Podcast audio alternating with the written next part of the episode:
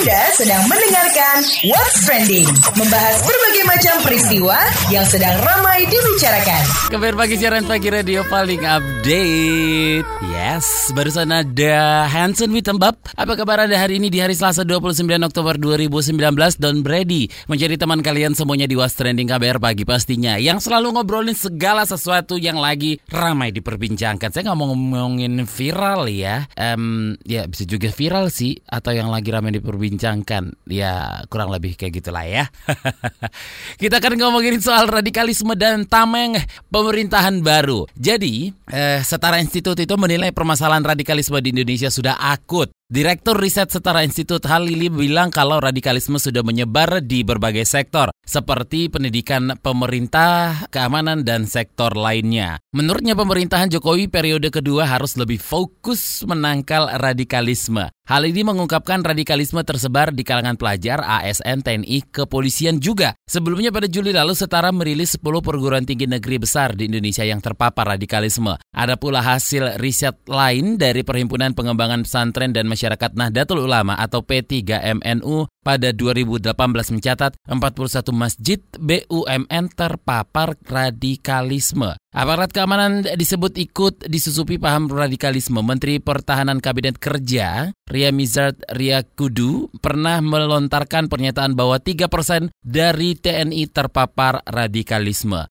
Polri baru-baru ini menangkap poluan yang diduga terkait jaringan Jamaat Ansarut Daulah, Daulah atau JAD. Dan Wakil Presiden Indonesia Maruf Amin pun mengingatkan agar pemuda Indonesia peka terhadap lingkungan sekitar, apalagi dalam mengawasi perkembangan radikalisme. Gerakan-gerakan separatis, radikalis, dan terorisme harus menjadi fokus yang harus dihentikan bersama-sama. Kita dengarkan berikut pernyataan Maruf Amin. Di perspektif Islam, Pancasila disebut sebagai kalimatun sawa, yaitu titikku yang menyatukan kesepakatan seluruh rakyat Indonesia.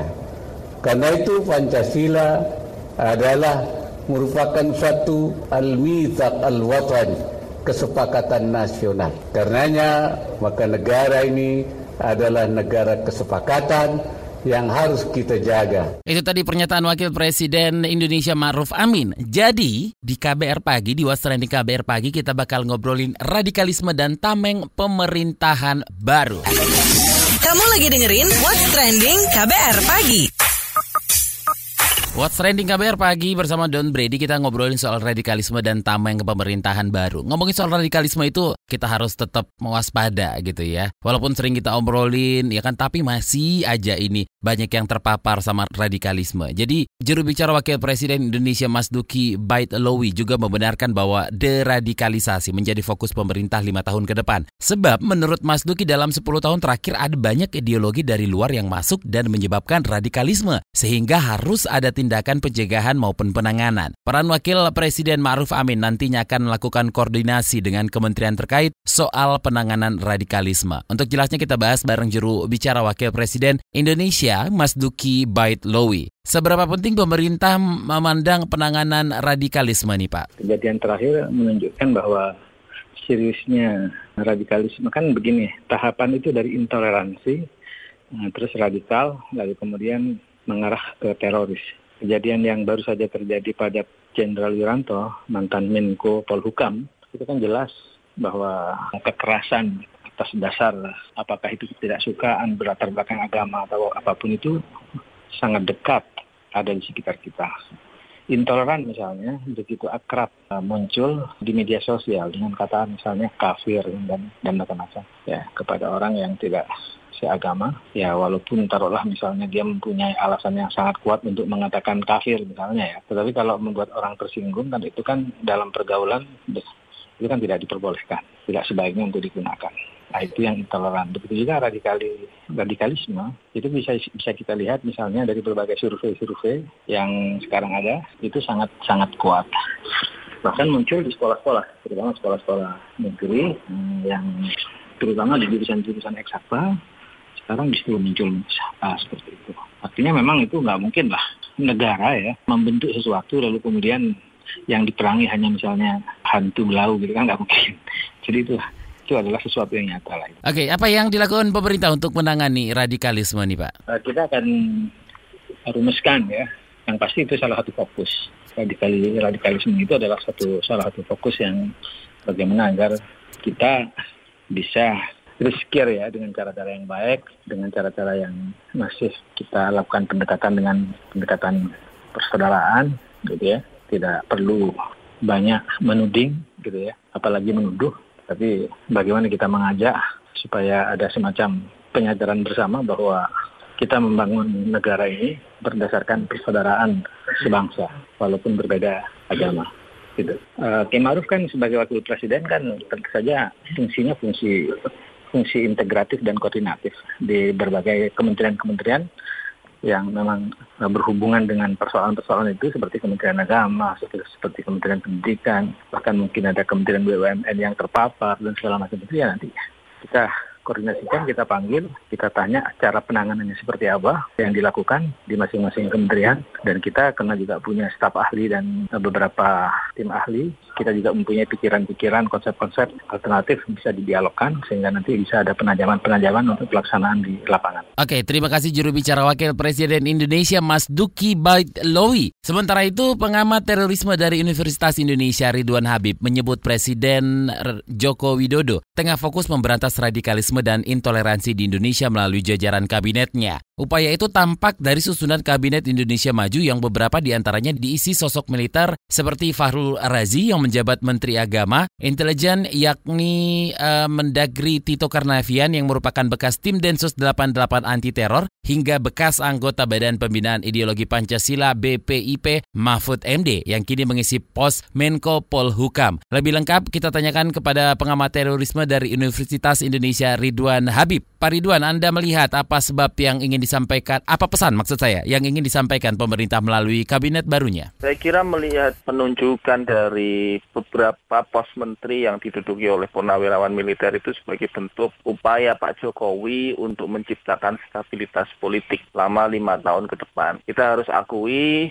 lima tahun ke belakang stabilitas politik nasional itu tidak tidak terjadi ya. Kalau mau dibilang secara objektif, tidak stabil politik nasional lima tahun belakang. Ada keriuhan di media sosial, ada saling hujat di media sosial, ada saling hujat di lapangan, di masyarakat, saling geruduk, kemudian ada ormas-ormas saling apa dalam tanda petik bertengkar begitu ya. Dan itu terjadi lima tahun kemarin. Apalagi imbasnya memuncak setelah uh, menjelang pilpres itu. Nah barangkali tujuan dari Pak Jokowi adalah menciptakan stabilitas politik dengan cara menempatkan para purnawirawan yang mempunyai background yang mempunyai latar belakang penggalangan intelijen.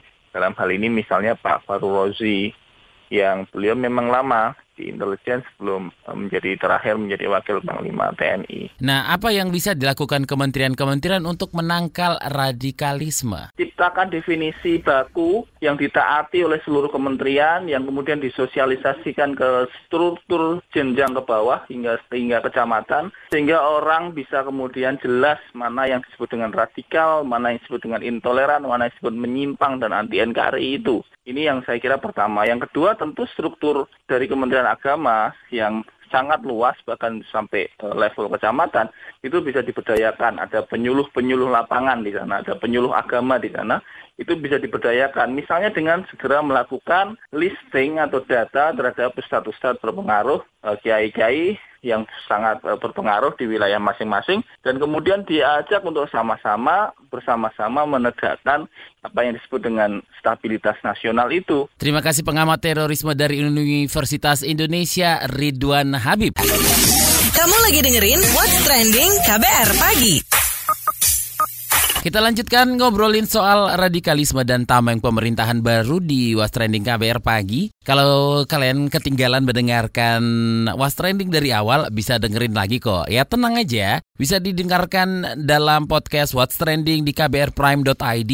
Langsung aja ketik di browser kalian di kbrprime.id, langsung cari What's Trending di sana ya kan. Bisa dengerin yang sudah lewat tadi pagi, bisa dengerin yang lewat dua hari yang lalu, seminggu yang lalu, dua minggu yang lalu bisa banget di sana, oke? Okay? Dan tadi seperti yang saya katakan, ya Direktur Riset Setara Institut Halili menegaskan pemerintah harus melakukan pendekatan-pendekatan deradikalisasi di Indonesia. Ia pun menilai menteri-menteri di pemerintahan Jokowi saat ini mendukung langkah deradikalisasi di Indonesia. Itu dia yang benar ya. Soal ini kita akan obrolkan bareng Direktur Riset Setara Institut Halili. Nah, menurut Anda bagaimana pemerintahan baru mesti menyikapi radikalisme? Saya kira kita semua sepakat lah para uh, aktivis kebebasan beragama berkeyakinan sepakat bahwa radikalisme itu bukan hanya soal ketersediaan atau eksistensi dari aktor, tapi juga terbangunnya lingkungan yang memungkinkan uh, berkembangnya radikalisme itu atau kita biasa menyebut uh, enabling environment ya. Jadi saya kira dua hal itu yang menurut saya uh, penting untuk segera diatasi oleh pemerintah. Nah dalam konteks ini Presiden Jokowi jangan lupa bahwa agenda deradikalisasi itu tidak melulu soal bagaimana melihat ancaman eksternal dari luar, tapi juga harus mulai fokus pada dekonstruksi lingkungan-lingkungan yang memungkinkan terjadinya radikalisme itu. Misalnya regulasi-regulasi yang memang memberikan ruang bagi diskriminasi, bagi intoleransi, saya kira harus mulai juga diatasi. Pendekatan apa yang harus ditempuh pemerintah untuk menanganinya nih Pak? Ada dua pendekatan yang menurut saya harus secara simultan dilakukan. Yang pertama pendekatan top down. Jadi memang harus negara yang melakukan tindakan dari atas ke bawah menggunakan pendekatan hukum, menggunakan pendekatan keamanan, menggunakan pendekatan regulasi gampang saja sih sebenarnya. Misalnya regulasi di tingkat daerah itu kan problematik. Banyak yang diskriminatif banyak yang memberikan ruang bagi intoleransi. Cara menertibkannya gimana? Ya top down. Top down itu Kementerian Dalam Negeri Mendagri dalam konteks ini itu punya begitu banyak ruang untuk membatasi dan bahkan menurut saya membatalkan. Meskipun Mahkamah Konstitusi mencabut kewenangan pembatalan itu tapi kan e, masih ada ruang konsultasi ada ruang konfirmasi ada ruang untuk melakukan harmonisasi yang itu karena otoritas untuk itu itu masih dimiliki oleh satu Kementerian Dalam Negeri yang kedua Kementerian Hukum dan HAM. Jadi pendekatan itu harus top down menurut saya. Regulasi-regulasi yang tersedia yang itu bertentangan dengan spirit Bhinneka Tunggal Ika dari Pancasila ya itu memang harus e, dilakukan pendekatan top down yang lainnya Pak? Tapi jangan lupa harus juga dilakukan pendekatan bottom up. Kan masyarakat ini bagian uh, tak terpisahkan sebenarnya dari agenda uh, semesta untuk merawat dan menjaga republik kita. Oleh karena itu ada isu yang menurut saya uh, menarik apa itu yaitu isu pembangunan uh, ketahanan sosial atau social resilience ini kan nggak pernah disentuh. Nah, bagaimana Anda melihat kabinet baru Jokowi? Yang pertama adalah Kementerian Agama. Saya sih apresiasi setinggi-tingginya Pak Fahrul Rozi yang mengatakan bahwa saya Menteri Agama, bukan Menteri Islam. Itu statement menarik karena memang seharusnya negara itu tidak berpihak. Negara itu harusnya melindungi seluruh uh, kelompok, baik yang banyak maupun yang sedikit, baik yang kuat maupun yang lemah, baik yang mayor maupun yang minor gitu. Jadi itu kesemestian yang harus dijalankan oleh pemerintah. Karena apa? Karena kita sudah berkomitmen untuk menjadi negara satu untuk semua negara Bhinneka Tunggal Ika, negara Pancasila. Nah, yang kedua, saya kira Menteri Dalam Negeri. Jadi Menteri Dalam Negeri ini sangat strategis. Karena apa? Karena eh, kalau kita cek kondisi kebebasan beragama berkeyakinan di Indonesia kalau kita eh, pilih misalnya pelanggaran-pelanggaran KPB dalam 12 tahun terakhir itu lokus pelanggaran lebih banyak terjadi di daerah dengan aktor pelaku pelanggaran adalah pemerintah daerah. Baik, terima kasih Direktur Riset Setara Institut H. Lili. Penasaran sama komentar Miss KBR? Ini dia Miss KBR. Bye. Selain dangdut dan cerita horor, ada perkara lain yang sudah menyebar ke sendi-sendi kehidupan orang Indonesia. Perkara lain itu bernama radikalisme. Pembandingnya emang gak apple to apple, tapi buat Miss, efeknya lebih kurang sama. Terornya itu loh, bikin ngeri. Kalau dangdut kan bisa ngeri sampai joget. Nah, kalau terorisme bikin ngeri sampai takut keluar rumah. Anyway, kalau kata Setara Institute, radikalisme itu sudah menyebar ke sektor pendidikan, pemerintah, keamanan, dan lainnya. Sayang sih ya, radikalisme itu nggak bisa dijogetin biar nyah. Butuh usaha lain, Cin. Makanya, kan pemerintah kudu melakukan berbagai upaya buat menangkal radikalisme itu. Kayaknya sih ya, itu memang jadi fokus presiden pas membentuk kabinet kemarin. Buktinya, yaitu Menteri Agama yang baru, kan latar belakangnya militer. Fahrul Razi namanya. Wiranto dan Luhut Panjaitan lah temannya. Lah iya, kemarin itu memang Mi sempat heran. Kok tumben ya, Menteri Agama kok latarnya bukan dari organisasi keagamaan, tapi militer. Masa orang mau haji, pas manasik diajarin baris berbaris? Eh, apa perlu ya? Mungkin kali ya, biar tertib in. Sebener-benernya, pas Orba dulu, ada kok Menteri Agama yang muasalnya dari tentara. Alam Syah Ratu Perwira Negara contohnya. Waktu itu, Doi ditugasi Pak Harto, pena zaman kita, buat memberantas yang namanya ekstrem kiri dan kanan. Tuh kan, Orba tuh nggak selamanya jelek kali. Lah itu, ternyata ada kok yang bisa dicontoh ya, Wak. Pendekatan militeristik buat mengikis habis radikalisme. Konon katanya, negara kudu menggunakan pendekatan hukum, keamanan, dan regulasi buat menghalau radikalisme. Itu lantaran regulasi-regulasi di Indonesia dinilai masih menyuburkan radikalisme. Sebab radikalisme bermula dari intoleransi yang didukung oleh regulasi. Nah, kalau regulasi itu biangnya dari pendekatan yang militeristik, gimana dong? Itu dia tadi komentar dari Miss KBR. Mau tahu besok Miss KBR bakal komentar apa lagi? Tungguin cuma di KBR Pagi. Terima kasih ya sudah dengerin What's Trending KBR Pagi.